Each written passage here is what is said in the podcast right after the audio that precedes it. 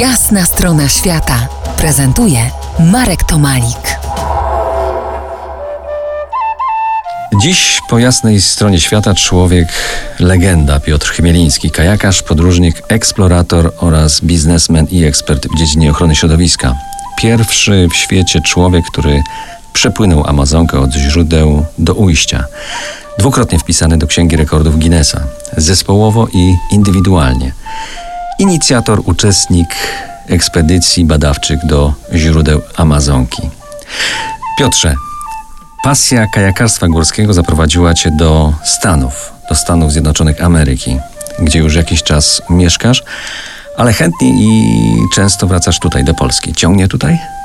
Marku, po pierwsze, dziękuję za zaproszenie do Krakowa, do studia na wysokościach kopca Kościuszki. Jestem zaszczycony. Cała przyjemność po naszej tutaj stronie. Tak, oczywiście ciągnie. E, rodzina, wspomnienia, Kraków, AGH, kajakowy klub Bystrze. To jest wszystko to, co spowodowało, że to, co osiągnąłem gdzieś później w Stanach czy poza, zaczęło się tutaj. Zaczęło się w Rzeszowie, w Krakowie, w Polsce.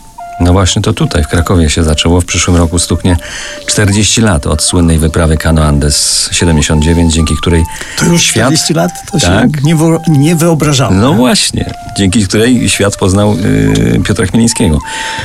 Y, Znam dobrze waszą historię, ale słuchacze niekoniecznie. Przepłynęliście wtedy najgłębszy kanion świata, pokazaliście go światu.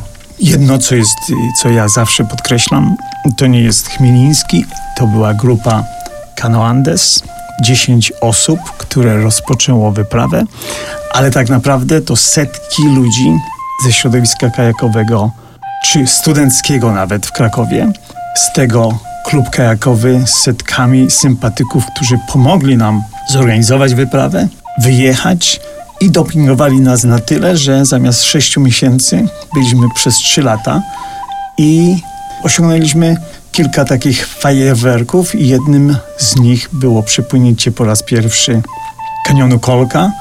Ja to zawsze tak mówię, że byliśmy młodzi i głupi i weszliśmy w tą dziurę i wyszliśmy. To było właśnie najważniejsze, że po trzech latach pływania po rzekach Ameryki Północnej, Środkowej i Południowej wszyscy cali i zdrowi wrócili i nie wróciliśmy do Polski, zostaliśmy w Stanach ze względu na sytuację polityczną, ale to przepłynięcie kolki, otwarcie kolki dla świata było takim jednym z największych su- sukcesów Cano Andes 79.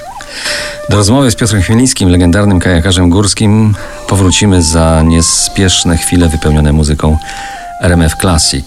Za kilkanaście minut. Zostańcie z nami po jasnej stronie świata.